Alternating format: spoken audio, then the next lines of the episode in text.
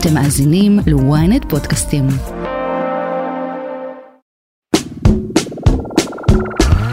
היי, ברוכים הבאים לרפרש, פודקאסט הטכנולוגיה של ynet. אני יובל מן. אני אושרית גנאל. האורח שלנו השבוע הוא אלירן בן חיים, data scientist בחברת AT&T, שיעזור לנו להבין איך לקבל תוצאות יותר טובות מ-Chat GPT ודומיו. אה, אלירן, ברוך הבא לרפרש. תודה, תודה, ברוכים הנמצאים. אז מאז ש-Chat GPT נכנס לחיינו בשנה שעברה, יש הרבה דיבור על מקצוע חדש בתעשייה, prompt engineering, אה, מהנדס פרומפטים. יש באמת כזה דבר? אה, נכון לעכשיו כן, יש prompt engineer ים אה, בחברות מסוימות, גם אנחנו ב-AT&T אין לנו prompt engineer ים, אבל אנחנו עוסקים המון גם בלחקור פרומפטים וגם בללמוד את התחום הזה. ואני חושב שגם המקצוע הזה יישאר לפחות בתקופה הבינונית קרובה.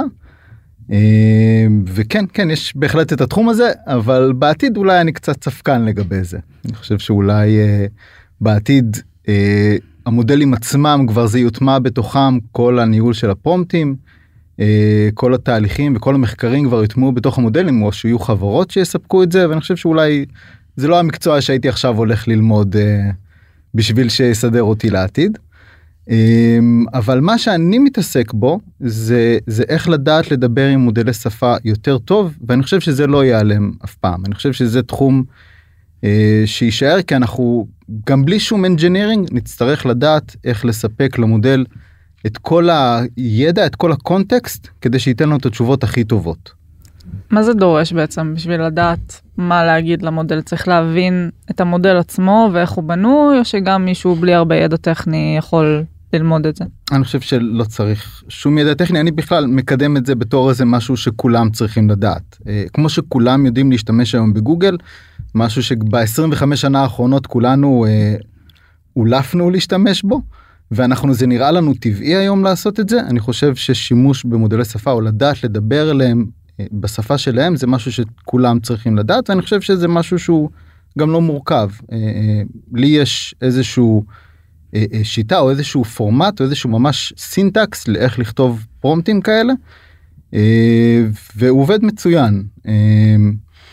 אז, אז אם אני רוצה לדבר רגע על, על איך עובד גוגל משהו שאנחנו עושים כבר אוטומטית בלי לשים לב אז אנחנו כבר למדנו לקחת כל מחשבה כל שאלה שיש לנו ולעשות לה איזושהי רידוקציה למילים הכי מינימליות שיכולות להעביר את זה. כן. אה, אם הייתי רוצה לדוגמה לעשות השוואה בין כל הפודקאסטים הטכנולוגיים בישראל אז לא הייתי יכול לכתוב לגוגל ספר לי על כל הפודקאסטים מי יותר טוב מי מנחה אותם איזה נושאים הם מדברים כי כנראה שלא הייתי מקבל כלום מה שהייתי בפועל כותב זה אה, פודקאסט טכנולוגיה ישראל שלושת המילים האלה שקצת נשמעות אה, אפילו עילגות. כי ככה אנחנו רגילים אנחנו עובדים עם גוגל כאילו הוא ספרן הוא לוקח את המילים האלה הולך ומחזיר לי ערימה של ספרים שבהם מופיעים הדברים של פודקאסט טכנולוגיה בישראל אני מסתכל על הספרים ואז מתחיל אה, לחפש בתוכם איפה המידע אני עושה את החיפוש בפועל. אבל דווקא הרעיון של הצ'טבוטים החדשים זה יותר לדבר איתם בשפה טבעית יותר לא בעצם באמת לעקוף את השפה הזאת של גוגל שלמדנו להתנסח בה. נכון נכון אז אני חושב שגם צריך לדבר בשפה טבעית אבל עדיין יש איזשהו פורמט שאנחנו צריכים להתרגל ולעבוד איתו. אה, ואיך שאני אוהב לדמיין את זה אם את גוגל אני משווה לספרן אז מודל לשפה אני רוצה להשוות את זה לאיזשהו מומחה בתחום מסוים. זאת אומרת המומחה הזה הוא יודע הכל על התחום ואני יכול לבוא ולשאול אותו שאלות והוא ייתן לי את התשובה בפועל אני לא צריך לעשות את החיפוש בעצמי. אה, אבל כשאנחנו מדברים עם מומחה אם לצורך העניין אני ניגש לרופאה שלי כי יש לי כאב ראש אני לא אכנס אליה למשרד ואגיד לה בוקר טוב כאב ראש. אני אגיד כן. לה אני גבר בן 40 בדרך כלל בריא אה, לאחרונה סבלתי מכאב כל מיני דברים עליי. ואחרי שאני אגיד לה היא גם לא תיתן לי מיד את התשובה היא תתחיל לשאול אותי שאלות שתית לאחרונה היית בשמש נסע כל מיני שאלות כאלה. אז ככה אני רוצה להתייחס למודלי שפה. אני רוצה המבנה של הפנייה בעיניי מורכב משלוש חלקים אה, עיקריים. קודם כל זה להגדיר למודל איזשהו מומחה. Okay, אוקיי? אם אנחנו מדברים על הדוגמה של פודקאסטים טכנולוגיים בישראל אני יכול להגדיר לו אתה מומחה לתקשורת בישראל אתה מומחה לפודקאסטים. אה, אתה פרופסורית לפיזיקה גרעינית אם יש לי שאלה בנושא הזה. ממש במילים האלה. כאילו ממש במילים האלה. לו מי... לתת לו לשחק איזושהי שלו? דמות כן. שאת הדמות הזאתי אה, בתוקף זה שהוא ישחק אותה הוא גם ידע לתת לי את התשובה המוסמכת. אה, מיד אחרי שאני נותן לו את, ה, את הדמות הזאתי אני מגדיר לו משימה. המשימה שלך היא ליצור לי השוואה בין כל הפודקאסטים בישראל. אני ממש מגדיר את המילים במילים האלה. המשימה שלך המטרה שלך אתה צריך לעשות. אה, והשלב השלישי שהוא בעיניי לא פחות חשוב זה לבקש מהמודל לשאול אותי שאלות בחזרה בדיוק כמו שהרופאה שואלת אותי את השאלות כדי להבין מה קרה אני אומר לו תשאל אותי שאלות כדי להגיע לתוצאה הטובה ביותר ממש במשפט הזה. הפורמט הזה שמורכב מלהגדיר לו דמות להגדיר לו את המטרה ולבקש לשאול שאלות בחזרה הוא מה שייתן לנו תוצאות הרבה הרבה יותר טובות ומתאימות למה שאני באמת צריך ולא איזושהי תשובה גנרית. עכשיו זה משהו שעובד בכל הצ'טבוטים, גם ב ChatGPT, גם ב Bard, גם ב Bing. זה עובד בכולם אני ניסיתי את זה בכולם אה, גם ב Claude עובד גם במודלים אה, פתוחים קוד פתוח כל המודלים האלה Bard Bing ו ChatGPT מודלים סגורים. אה, אבל זה עובד בכולם כי זה משהו שהוא הוא גם לא קיים מעכשיו הוא קיים כבר חוקרים את התחום הזה מ2017 מאז שיצאו המודלים של הטרנספורמרים. וכבר אז המושג הזה של system prompt שבו אני מגדיר לו איזושהי דמות ומטרה כבר אז גילו שהוא עובד הרבה יותר טוב מרק לבקש ממנו תערוך לי השוואה. זה נכון אבל גם. אם אני עכשיו רוצה ממנו משהו שקשור לניסוח זאת אומרת אם אני עכשיו אה, מזינה לו למשל איזושהי טקסט שכתבתי איזשהו מהמם. טקסט שכתבתי ואני מבקש ממנו תנסח לי את זה כמייל מקצועי. זה גם מצריך קודם להגיד לו מה הדמות שהוא משחק. אני אוהב להשתמש בגלל שאני עובד בתאגיד אמריקאי ענק אה, אני אוהב להשתמש ב... אתה מומחה לקורפרט אנגליש Mhm. לאנגלית אמריקאית אתה מומחה ל... ל... לכתיבת מיילים לפעמים רק הניסוח הזה הקטן הזה כבר מדייק אותו אה, לדעת שהוא צריך לכתוב מייל ולדעת שהוא צריך ממש לעמוד בסטנדרטים של מומחה בתחום הזה. זאת אומרת אם אני נגיד אה, מנהל סושיאל אני יכול להגיד לו אתה מומחה לסושיאל עכשיו תכתוב לי את הפוסט הכי מעול, הכי טוב אה, וכתוב היטב ללינקדין. מהמם. בדיוק בדיוק. זה זה ואני שמתי לב גם אה, אני חושב שהראיתי את זה גם בחלק מהמצגות שאני עושה כשאני מבקש ממודל שפה לכתוב לי פוסט ל LinkedIn אז הוא כותב לי איזשהו טקסט שמרגיש יבשושי וגנרי. אם אני אומר לו אתה מומחה ל social אה, או מומחה יותר ספציפית ל LinkedIn אז אני כבר אקבל משהו שמנוסח אה, כמו פוסט ויראלי. אני אקבל גם האשטגים אני אקבל אימוג'יז אני אקבל טקסט יותר קצר ו engaging אה, מאשר אם אני רק אגיד לו תכתוב לי אה, תכתוב לי טקסט אני חושב שאנחנו באמת עם צ'אט gpt כבר שנה היה התלהבות עצומה ואז פתאום הייתה איזושהי דעיכה כי אנשים אמרו. הכל נשמע כזה אותו דבר הכל נשמע יבשושי הכל נשמע כאילו הוא העתיק מוויקיפדיה כן.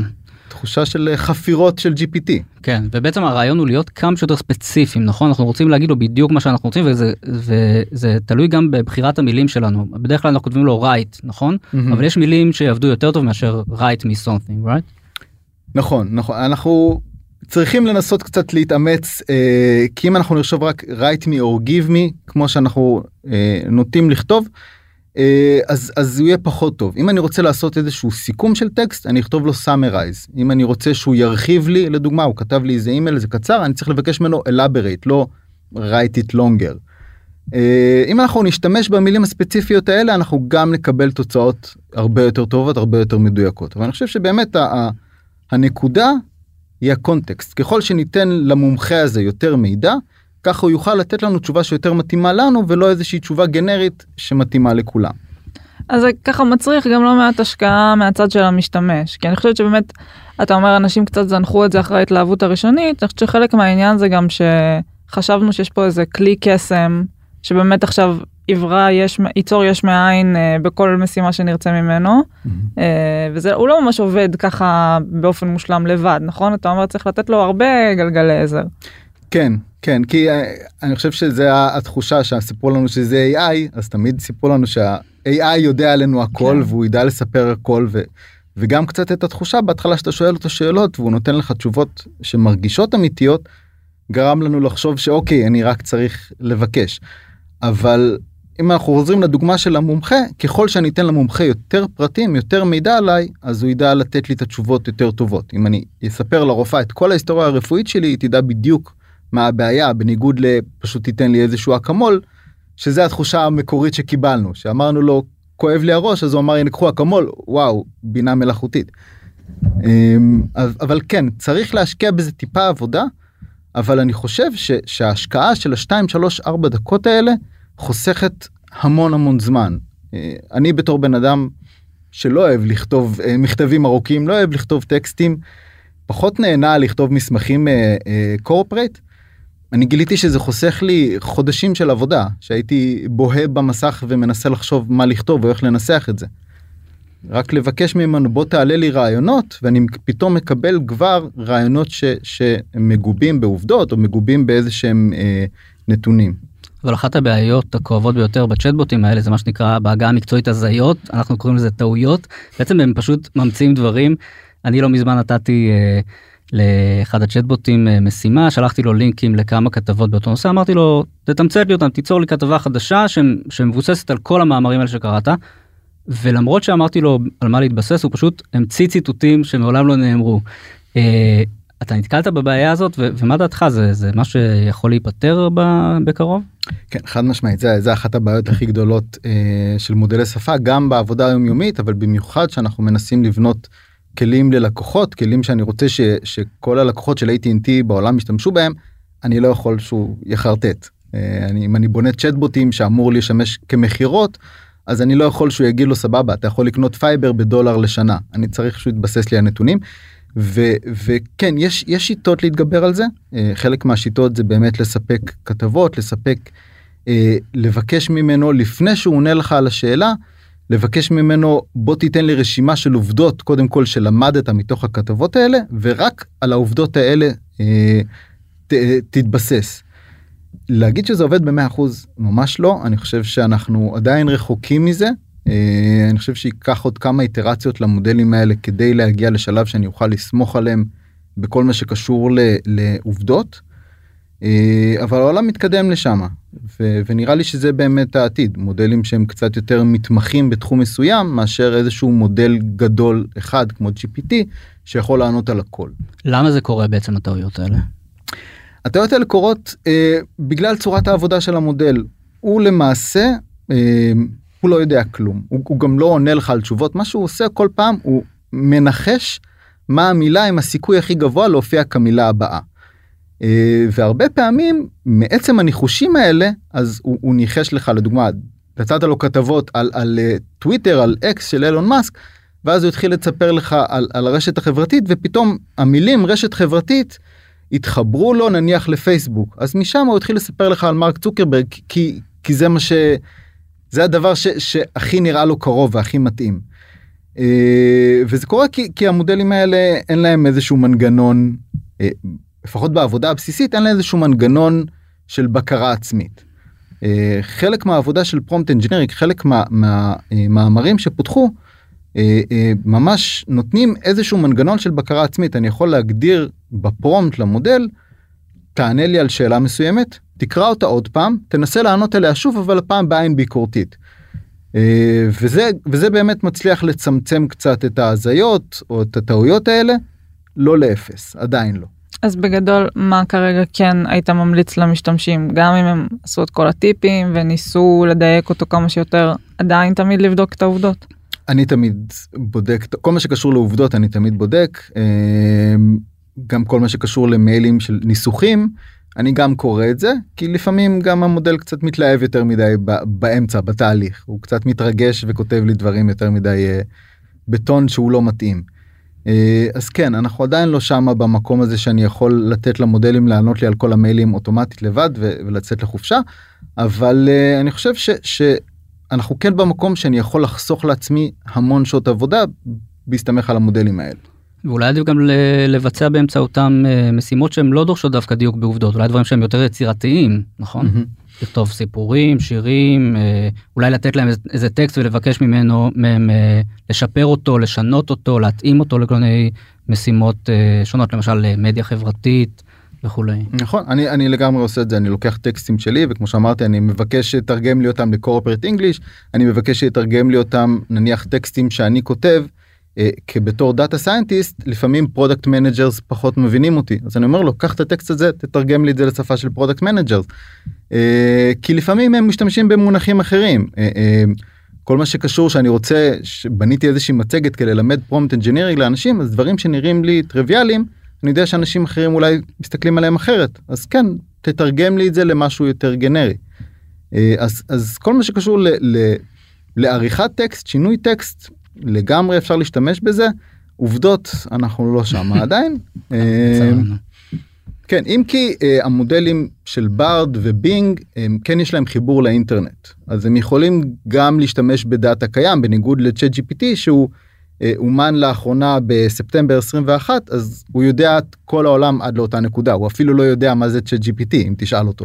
כן. בוא נדבר באמת קצת על ההבדלים בין הצ'אטבוטים השונים אתה רואה הבדלים מהותיים ביניהם אנחנו מדברים בעיקר על ChatGPT של OpenAI, Bard של גוגל ו Bing של מייקרוסופט. ואולי יש עוד אופציות מעניינות שכדאי לנו להכיר. כן יש את יש את Claude של Anthropic שהוא לא זמין בישראל לדעתי. הוא לא עדיין. זמין עדיין Claude 2 עם VPN ים אפשרי. אה, שהוא הוא מצוין בכל מה שקשור לטקסטים ארוכים במיוחד. אם יש לכם ספר שלם שהייתם רוצים להאזין לתוך המודל ולבקש ממנו לכתוב לכם פרקים חדשים הוא מעולה בזה. אה, והוא גם די טוב בעברית. אבל אה, אם הייתי רוצה לדרג את המודלים מהצד של העברית כרגע נכון ללפני חודש ברד אה, של גוגל ממש טוב בעברית הוא גם מבין הוראות בעברית הוא גם יודע לכתוב טקסט בעברית יחסית טוב. והוא באמת בוא נגיד עד לפני חודש הייתי טוען שהוא האח הפחות מבריק של כל המודלים אבל פתאום הוא דפק קפיצת מדרגה מאוד מאוד uh, טובה והוא uh, והוא עונה ממש טוב. החיסרון בעיניי של ברד של גוגל שהוא לפעמים קצת לוקח לעצמו חופש יצירתי באיך התוצאה תיראה. לפעמים הוא מחליט ש, שאם שאלת אותו שאלה אז הוא ייצר לך את זה בטבלה או שהוא ייצור לך איזושהי השוואה. שאני פחות אוהב את זה זה פחות גמיש בעיניי. אבל אי אפשר לבקש ממנו לשנות את זה? אפשר אפשר אבל זה דורש לי עוד כמה שלבים של לדבר איתו על זה אה, הוא פשוט לוקח את החופש מראש. אה, בינג הוא מבוסס gpt 4 אה, והוא גם כן עובד די טוב הוא מתחבר לאינטרנט. אה, אני מאוד אוהב להשתמש בו כי הוא, הוא גם יחסית מהיר יחסית ל-GPT 4. ועכשיו הוא סוף סוף גם זמין בכרום ולא רק אה, באדג' של אה, מייקרוסופט. כן אם כן אני עדיין מרגיש איזשהו קצת אה, ש, שהוא עובד פחות מהר או נותן לי תשובות פחות טובות כאילו מנסים טיפה רוצים לשכנע אותך לעבור ל Edge. מייקרוסופט שתמיד נתנו לך התקינו לך Explorer מראש אה, אז זה התחושה שהם מנסים שתשתמש בזה. כן. אה, אה, איך אתה מסביר באמת ההבדלים בעברית? אה, זאת אומרת Bard הוא התאמן על מספיק חומר בעברית ולכן הוא טוב בעברית בניגוד לצ'טבוטים אחרים אולי שהם משתמשים בתרגום אוטומטי או משהו כזה. ברד ברד באמת התאמן בעברית גוגל נתנו לו להשתמש להתאמן על הרבה שפות. שאר המודלים לפחות צ'אט gpt ו-gpt 4 לא התאמנו בכלל על עברית הדרך שבה הם פיתחו לעצמם את היכולות הזה מבלי להתייחס אליהם יותר מדי בתור בינה מלאכותית אה, זה באמת על ידי תרגום אה, ובגלל זה גם זיהו שהם יכולים גם לזהות שפות שלא קיימות או שפות שהם המציאו לעצמם. אבל בגלל זה מה זאת אומרת שפות שהם המציאו לעצמם? אה, היה היה כל מיני ניסויים ש, שנתנו לצ'אט gpt לדבר עם עצמו ואז uh, תוך כדי השיחות האלה פשוט נתנו לשני מודלים uh, לעשות איזושהי שיחה ותוך כדי השיחות הם פשוט פיתחו איזושהי שפה משלהם. אה, בטח מדברים עלינו.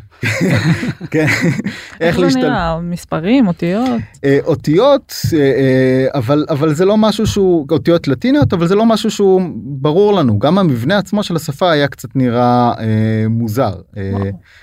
אז אז כן זה קצת מפחיד וזה נותן איזושהי תחושה של של דיסטופיה אבל אבל בגלל זה אגב אם אתם תשתמשו ChatGPT הוא ממש גרוע בעברית GPT 4 הוא יחסית טוב אבל עדיין זה מרגיש כמו Google Translate של לפני כמה שנים של כאילו תרגום של מילה במילה. אני יכולה להגיד באופן אישי שאני משתמשת ב ChatGPT בעברית בתור הפוגה קומית.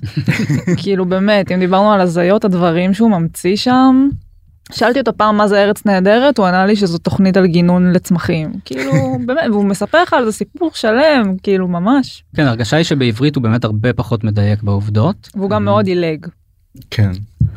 אה, אבל אה, הפוגה קומית כן זה כאילו זה גם נחמד. והוא מדבר מאוד בביטחון על זה הוא יספר לך ממש. בדיוק מי המנחים בארץ נהדרת ואיזה סוקולנטים הם אוהבים. ממש ככה. זה מעניין שדיברת על קפיצת מדרגה של ברד במקביל אני ראיתי דיווחים על זה שדווקא בצ'אט gpt או ב-gpt4 יש איזה ירידה אה, ביכולות אה, יש איזה דיבור על זה שהיכולות שלנו למשל במתמטיקה אה, פחות טובות ממה שהיו. אתה מכיר את התופעה הזאת? כן חד משמעית אה, אה, אני הרגשתי את זה בתכנות בקוד אה, אני הרגשתי שפתאום יש לו הרבה טעויות כשהוא יצא אה, אה, במרץ הוא היה יחסית טוב הוא כתב לי קוד ממש טוב עכשיו לפעמים יש לו טעויות שחוזרות על עצמן. לא ניסיתי מתמטיקה פחות התחום שלי אבל אני כן מרגיש שהוא פחות טוב הוא גם יותר מהיר. איך אתה מסביר את זה? אז אז מה שקורה אה, שזה הבעיה עם שימוש במודלים סגורים בניגוד לשם של OpenAI המודלים שלהם סגורים לגמרי אנחנו לא יודעים איך הם עובדים והם כל הזמן מעדכנים אותם. אה, מה שקרה בגלל העלויות הפעלה הכבדות של ChatGPT הם, הם עשו להם מה שנקרא pruning הם, הם כאילו קוטמים את המודל את הידע של המודל באזורים שנראה להם פחות רלוונטיים כדי להאיץ את הפעילות שלו. אה, ועם הזמן אנחנו ממש מרגישים שהמודל נהפך להיות קצת יותר טיפש הוא קצת יותר ממוקד בנושאים מסוימים פחות אה, פחות אה, מבין הכל ומהצד שלי לפחות בעבודה שלי ב-AT&T כשאני מנסה להסתמך על המודלים האלה זה אחת הבעיות שאנחנו נתקלים בהם שאתה יכול לכתוב איזשהו פרומט שעכשיו עובד אבל פתאום שבוע הבא הוא יעבוד פחות טוב. ואז יתפתח איזשהו תחום חדש של של איזשהו מיינטנס של פרום של פרומטים כדי לוודא כל הזמן שמחזירים לך את אותם תשובות או שאתה צריך כל הזמן לשפר אותם. אה, שזה משהו שאם אתה משתמש במודלים של קוד פתוח אתה יודע בוודאות מה אתה מקבל אבל אבל כן אני חושב שיש תחושה אה, שgpt 4 הוא, הוא נהיה פחות טוב עם הזמן. אה, מה שגרם לי להגר טיפה לברד בזמן האחרון במיוחד שהוא מאז שהוא מתחבר לאינטרנט אה, הרבה יותר טוב. הפסקה קצרה וכבר חוזרים. ynet פלוס החדש עם הסיפורים הכי מעניינים ומיטב הכותבים. חודש ראשון בחמישה שקלים ותשעים בלבד. למצטרפים חדשים כפוף לתנאי השימוש. מה אתה חושב על כל הסכנות האפוקליפטיות שמזהירים אה, בכל הנוגע להתפתחות הבינה המלאכותית? אמ, אני לא אופטימי. כן. אני לא חושב שיש איזה שהם סכנות במובן של אה, אה, המודלים השתלטו על העולם ויראו טילים גרעיניים. אני חושב שזה... אני חושב שהפחד, הפאניקה שיש בציבור היא, היא נובעת מהמקום הזה שאף פעם לא, לא התכוננו לזה כאנושות, לזה שהמכונות יחליפו אותנו. עכשיו, זה נשמע מוזר כי כבר 200 שנה שיש סרטים על, על איך המכונות הולכות להחליף אותנו. אבל כל הסרטים האלה וכל הסיפורים דיברו על זה שהמכונות יחליפו אותנו בעבודות הקשות, בהרמת מסעות, בחקלאות, בדברים הקשים שאף אחד לא רוצה לעשות. ואז בני אדם יתפנו ויהיה להם זמן פנוי לכתוב שירה, לצייר ציורים, לכתוב ספרים, סרטים. ואז אתה מגלה שהנה הגיע AI וכל מה שהוא עושה זה מה שתכננו לעשות בפנסיה האנושית שלנו. לצלם צילומים, לצייר, לכתוב. ואני חושב שמפה נובעת הפאניקה אה, אה, שאנחנו לא מוכנים לזה אנחנו סיפרו לנו כל הזמן שאם נלמד ונתעסק בעבודות שמפעילות את הראש נוכל אה, להיות מסודרים אבל פתאום אנחנו מבינים שכנראה אלה העבודות שהולכות להיפגע. ומצד שני שמדברים עם צ'אט gpt בעברית זה נורא מרגיע. כן אני חושב שזה זה, זה הסיבה שעושים את זה כדי להרגיש טיפה אוקיי אנחנו עוד רחוקים משם אני באמת חושב אגב שאנחנו רחוקים משם אני חושב ש, ש, שאנחנו עדיין בשלב לפחות בכמה שנים הקרובות שבהם אנחנו נוכל להאיץ את העבודה שלנו בעזרת מודלי שפה. אני כן חושב שמי שלא יסתגל לעולם הזה של מודלי שפה אה, וינסה לעשות את הכל בעצמו די יישאר מאחורה.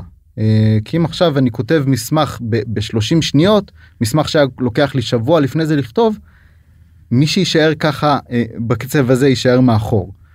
אמ, אז אבל... למה אתה אומר שאתה לא אופטימי? כי זה דווקא נשמע תחזית יחסית זה... אה, כאילו מודרט.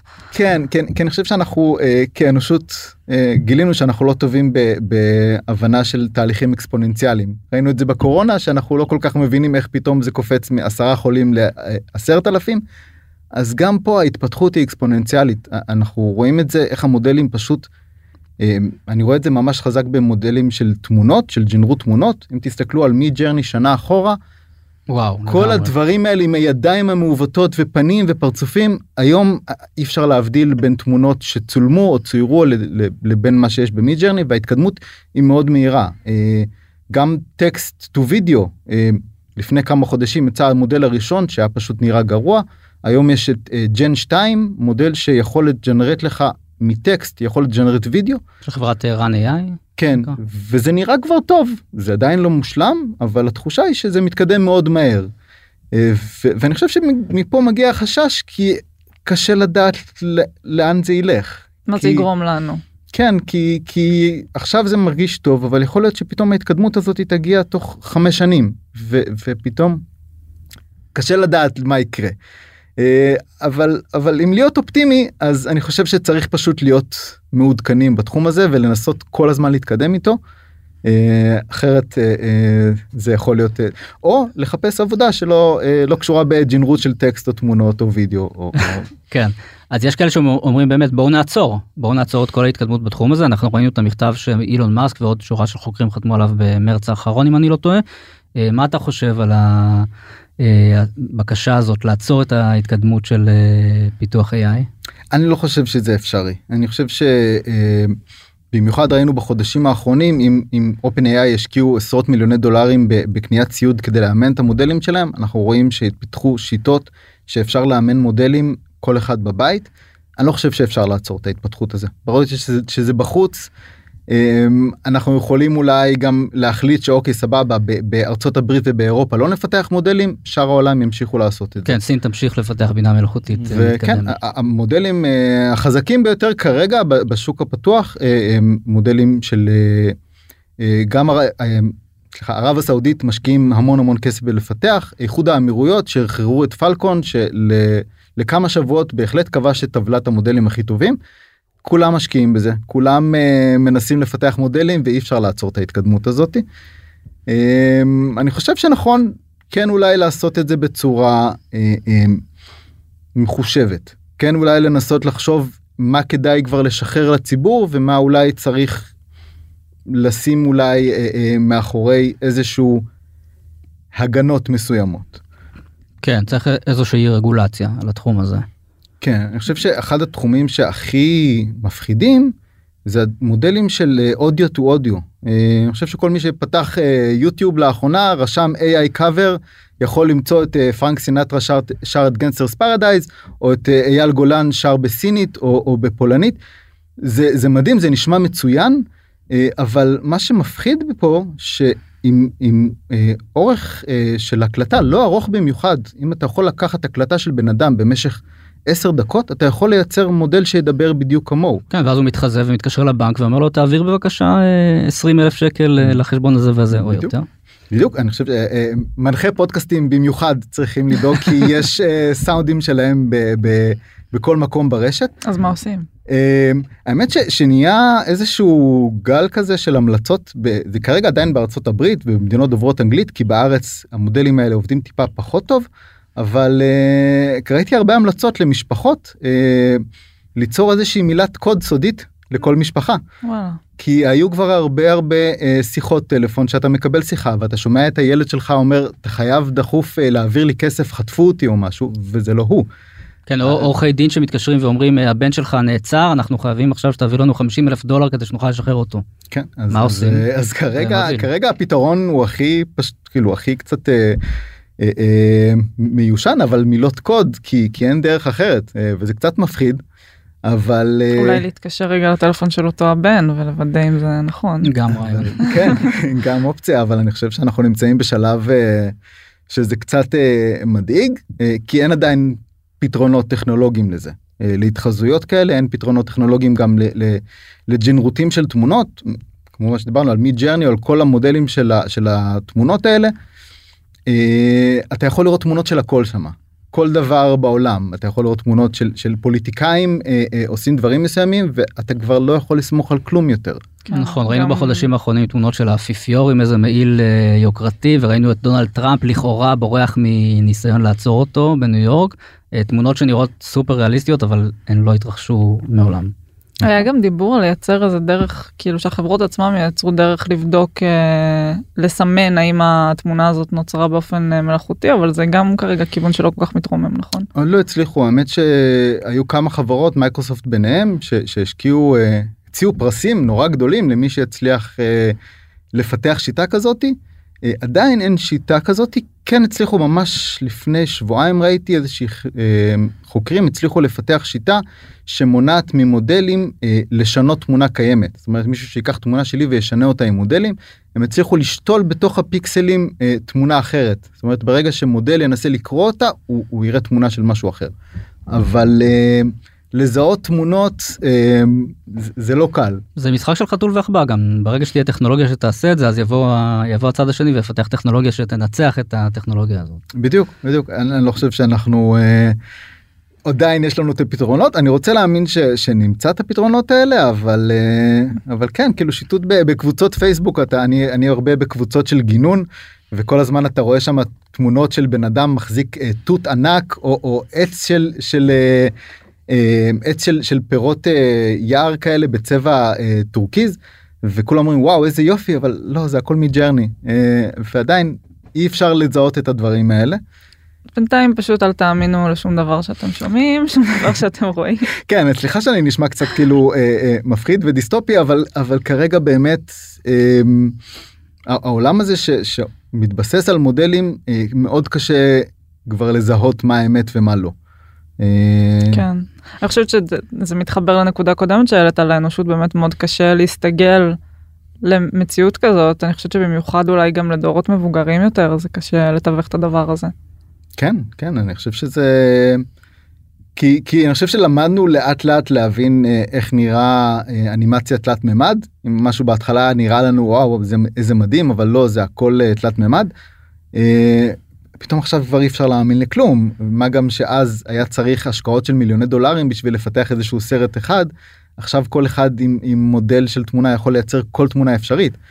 אה, אז אז כן קשה מאוד להבין וקשה מאוד לתווך לאנשים אה, מה זה אומר שאפשר לג'נרט כל תמונה. מי שלא נחשף למודלים של תמונות אה, קשה מאוד להסביר את זה שאתה יכול באמת לייצר כל דבר. כן בוא נדבר באמת קצת על מחוללי תמונות אה, יש לא מעט אופציות בשוק אה, עם מה אתה עובד על מה אתה ממליץ. אמ, אני חושב ש Midjourney עדיין הוא המודל הכי טוב אה, לפחות באיכות של התמונות אבל לפני כמה שבועות Midjourney הוא עובד דרך אפליקציית דיסקורד והוא בתשלום אין, אין שום אפשרות חינמית. משהו כמו עשרה דולר לחודש. עשרה דולר זה המנוי הכי זול הוא 200 תמונות בחודש יש מנויים של גם 30 ו-60 דולר. אה, והוא כרגע המודל הכי טוב אבל לפני כמה שבועות Stable Diffusion הוציאו אה, מודל חדש הוא מודל חינמי פתוח לכולם אה, אפשר להוריד אותו למחשב ולהתקין אותו אם יש לכם איזשהו מאיץ גרפי אבל אפשר גם להיכנס לאתר ClipDrop ולעשות שם ל generate תמונות והוא עובד לא פחות טוב גם בתמונות ריאליסטיות וגם הרבה פונקציות שאפילו הרבה פונקציות שאפילו אין ל Midjourney. פונקציה לדוגמה של של inpainting זה משהו שאתמול בלילה בדיוק סוף סוף Midjourney הוציאו שזה אומר נניח יש לי תמונה של נערה מחזיקה כדורסל ואני רוצה להחליף את הכדורסל הזה באוואזה. עד אתמול בלילה זה לא כן. היה. אה, ניסיתי את זה זה עובד נחמד אבל ב ClipDrop זה עובד כבר תקופה. איך אתה קורא לאתר הזה? ClipDrop C-L-I-P D-R-O-P. יצא לך להתנסות קצת ב Leonardo? כן Leonardo Leonardo אני גם מאוד אוהב. אה, הממשק, גם מאוד ריאליסטי. נכון הממשק שלו הוא גם כן אה, דרך דיסקורד. אה, הוא, הוא מאוד ריאליסטי והוא גם נותן 150 תמונות חינם כל יום.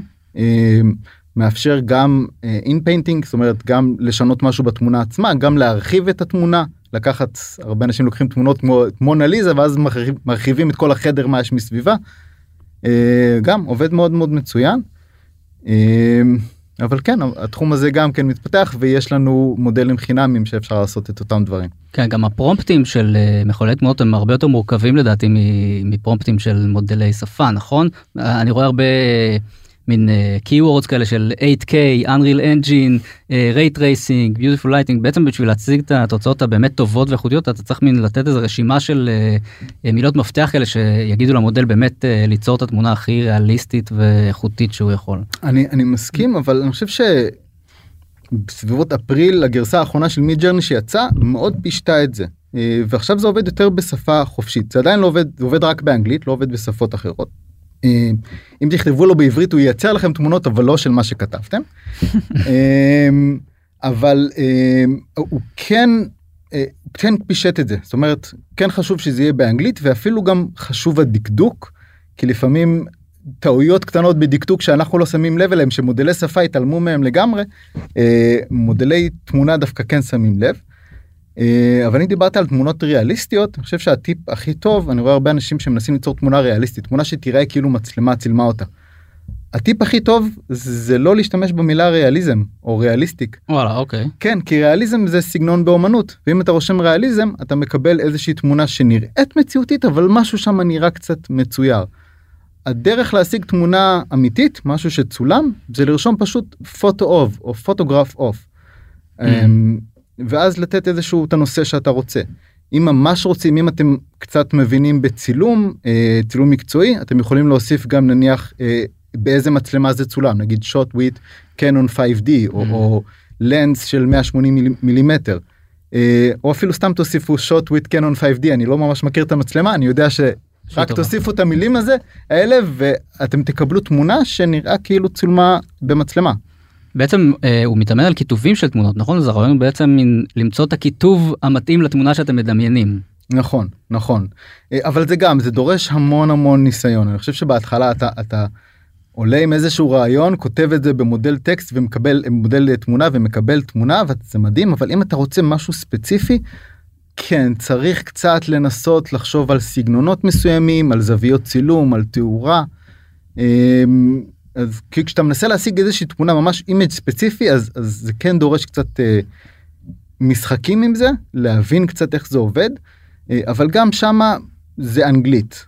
זאת אומרת אה, אה, אתה יכול לבקש שהתמונה תהיה ב medium shot או עם תאורה של daylight כל מה שאתה רוצה באמת ש... שיופיע בתמונה עצמה. כן זה עולם ומלואו וזה נורא כיף לשחק עם המודלים האלה. ממכר בצורה בלתי רגילה כאילו אני חושב שבמי ג'רני אה, בהתחלה התחלתי עם המנוי של ה-10 דולר של ה-200 תמונות בחודש נגמר לי באותו היום אה, וכבר העליתי אותו למנוי המלא עכשיו אני מנסה קצת להשתמש במודלים חינמים כדי לנסות גם אותם אבל זה מאוד ממכר אה, מומלץ בחום לכולם לנסות. לגמרי. מה אתה חושב שתהיה החזית הבאה של הבינה המלאכותית באמת? אני חושב שהעתיד של בינה מלאכותית הוא לאו דווקא הולך למודלים כמו צ'אט GPT שיודעים הכל אני חושב שזה הולך דווקא למודלים שמתמחים בנושאים מסוימים. אה, בשבוע שעבר קבוצה של חוקרים מארצות הברית לקחה את כל ספרי הרפואה ונתנה ל- למודל למה 2 של פייסבוק ללמוד אותם. אה, המודל הזה מתמחה הוא יכול לענות ולעבור את כל מבחנים של הרפואה כדי להפוך את עצמו לרופא. הוא פחות טוב בדברים אחרים ואני חושב שזה העתיד אני חושב ש, שהמודל הזה הוא לא יהיה לו הזיות בתחום של רפואה אם תשאל אותו על כל נושא אחר הוא יחרטט אותך לגמרי. ואני חושב שלשם זה הולך למודלים קטנים שמתמחים בנושאים מסוימים ולאו דווקא לאיזשהו AGI בינה מלאכותית כללית שיודעת הכל. יש למשל את פי או פאי של אינפלקשן יצא לך לשחק איתו? אה, לא טרם זה מין uh, צ'טבוט שממש נותן לך איזה תמיכה רגשית אתה יכול להתייעץ איתו על כל מיני עניינים נפשיים ומערכות יחסים וכולי והוא ממש uh, עושה את זה ממש לא רע וזאת אומרת זאת המטרה שלו הוא, הוא יכול להיות ה-AI ספציפי למטרה הזאת אבל אתה אומר שיהיו לנו AIs כאילו לכל מיני מטרות uh, בחיים. אני חושב, אני חושב שאנחנו הולכים למקום הזה למודלים שמתמחים בתחום קטן הם גם יהיו יותר קטנים יותר קלים לאימון יותר זולים לאימון ותחזוקה אבל גם אנחנו נוכל להרגיש יותר בטוחים איתם שהם הם יודעים על מה הם מדברים וזה לא איזשהו יודע הכל כזה שיודע לדבר בביטחון על הכל אבל בפועל אין כלום מאחורי אבל, זה. אבל זה קצת יסרבל את השימוש שלנו לא כי אנחנו נצטרך לעבור בין כל מיני שירותים במקום שיהיה לנו שירות אחד שנותן לנו את הכל. כנראה זהו או שזה באמת האופציה או שיהיה איזשהו אגרגטור של מודלים שברגע שאני שואל אותו על דברים של רפואה ינתב את זה למודל של הרפואה ברגע שאני שואל אותו על דברים אחרים ינתב את זה למודלים אחרים. נראה לי שזה הכיוון לשם לשם הולכים. כרגע כל החברות מנסות אה, לבנות את המודל היותר גדול ויותר ענק שיהיה שייתן יותר תשובות להכל אבל אני חושב ש, שמאוד מהר אנחנו נ- נתרכז במודלים מתמחים אה, שיוכלו אה, להיות מומחים לגמרי בתחום שלהם אבל לא לחרטט. כן זה נשמע כמו בחיים כאילו אני לא אתייעץ עם אה, לא יודעת סוכן ביטוח על אה, הנקודת חן ששינתה צבע. שזה בדיוק. רעיון מעניין. נכון אני חושב שכולנו מכירים את האנשים האלה שמדברים בביטחון על כל נושא בעולם אבל אנחנו לא נתייעץ איתם על, על, אה, על הרוב. אלה שיודעים להגיד לך על כל דבר מה דעתם. אז כן אני חושב ש, שאנחנו זה עובד בהתחלה אבל לאט לאט אתה מבין שאתה צריך מישהו שהוא באמת מבין בתחום מסוים ואני חושב שלשם העולם הזה הולך. למרות שדווקא יש המון דיבורים על אה, AGI וגם רוב הבאמת אה, נבואות האפוקליפטיות הן יותר קשורות למה יקרה כשתהיה פה בינה מלאכותית שתדע לעשות הכל. נכון אבל אני חושב שפשוט זה לא כלכלית זה לא מודל שעובד טוב לאמן את המודלים הענקיים האלה עולה עשרות מיליוני דולרים כרגע לפחות GPTים.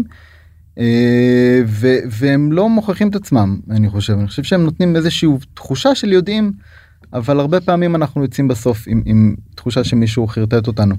אה, אבל אבל אני חושב שכאילו ה-AGI בסוף יהיה איזשהו מודלים שירכזו הרבה תתי מודלים. זאת אומרת איזשהו מודל ש- שיהיה שם איזשהו בינה וידע לנתב למודל הנכון. כן. בוא נדבר קצת על קוד פתוח מול קוד סגור. מה המשמעויות של מודלים מסוג כזה וכזה ואיך זה משפיע עלינו כמשתמשים. אה, אז המשמעויות מבחינתנו זה שהמודלים של קוד סגור OpenAI גוגל קלוד אה, אנחנו לא יודעים מה קורה איתם. הם מעדכנים את המודלים מאחורי הקלעים כל הזמן. אנחנו לא יודעים איזה מידע הוכנס לתוך המודלים האלה. אה, והרבה פעמים זה קצת בעייתי. במיוחד בגלל שצ'אט gpt הוא כל כך נפוץ אז הרבה אנשים ניסו קצת לעשות איזשהו backward engineering להבין על מה הוא אומן איזה טקסטים הוכנסו אליו אה, כדי להבין איך הוא עובד. ומודלים בקוד פתוח אנחנו יודעים בדיוק מה הוכנס אליהם. אנחנו יודעים איך הם עוברים את כל המבחנים שלהם איך הם מצליחים לדעת. אה, אז מהצד שלי כדאטה סיינטיסט שמנסה לבנות מוצרים לחברה מסחרית אה, העבודה עם מודלים בקוד סגור היא בעייתית כי הם משתנים כל הזמן אנחנו לא יודעים מה קורה שם אה, וזה קשה לנו לעמוד בזה לנו יותר שווה לשלם דווקא אה, על, על, אה, על GPUים על חומרה כדי להריץ את המודלים אצלנו און פרם מאשר להשתמש במודלים שהם חיצוניים לנו. כן אבל יש הבדלים ברמות בין המודלים הסגורים לפתוחים. כן כרגע עדיין אין מודלים בקוד הפתוח שמצליחים אה, לנצח את gpt 4 או, או את אה, ברד. אה, למה 2 הכי מתקרב לזה נכון לעכשיו אבל גם הוא אה, לא לגמרי שמה. אה, אבל אני חושב שזה עניין של זמן אני חושב שזה המודלים האלה בגלל שהם מסתמכים על קהילת הקוד הפתוח על, על קהילות של חוקרים שעושים את הדברים האלה מזמנם החופשי אני חושב שזה יתפתח כמו כל דבר בקוד הפתוח אה, הרבה יותר טוב והרבה יותר מהר. אבל זה ייקח עוד קצת זמן. ומה האינטרס הכלכלי באמת של חברות כמו מטא לפתח מודלים נורא גדולים שנורא יקר לפתח אותם ולשחרר אותם בחינם ככה לציבור איך אתה רואה את זה. אני חושב ש, ש Meta מנסים אה, להשתלט על השוק אה, אה, של הקוד הפתוח הם מנסים אה, גם נגיד את PyTorch שזו חבילה של data science ש Meta פיתחה הם uh, חילקו אותה בחינם. ו- וזה גם היה נראה מוזר בהתחלה אבל היום רוב ה data scientistים משתמשים ב PyTorch אז הם מנסים קצת לקבוע את הסטנדרט בתעשייה בזה שהם משחררים את המודלים האלה בחינם בגלל זה גם כל המודלים כל המחקרים שנעשו בשבועות האחרונים נעשו על למה 2 נעשו כי זה המודל הכי חזק והכי אה, הכי יעיל שקיים כרגע בקוד פתוח. אה, אז נראה שהם מנסים אה, הם הולכים על גישה אחרת במקום למכור את זה ישירות אז הם מנסים להיות הסטנדרט של התעשייה. בוא נדבר קצת על מה שאתה עושה ב-AT&T חברת התקשורת הכי גדולה בארצות הברית אם אני לא טועה מה מה אתם עושים שם בתחום ה-AI הגנרטיבי. אה, אז פה פה בישראל אנחנו נכנסנו מאוד חזק לזה בשנה האחרונה בהובלת המנכ"לית שלנו. אז צריך להגיד שיש פה מרכז מחקר ופיתוח מרכז של מחקר AT&T. בהחלט מרכז מחקר ופיתוח של של AT&T בישראל אנחנו יש לנו 600 מפתחות ומפתחים data scientistים והכל אנחנו מפתחים המון.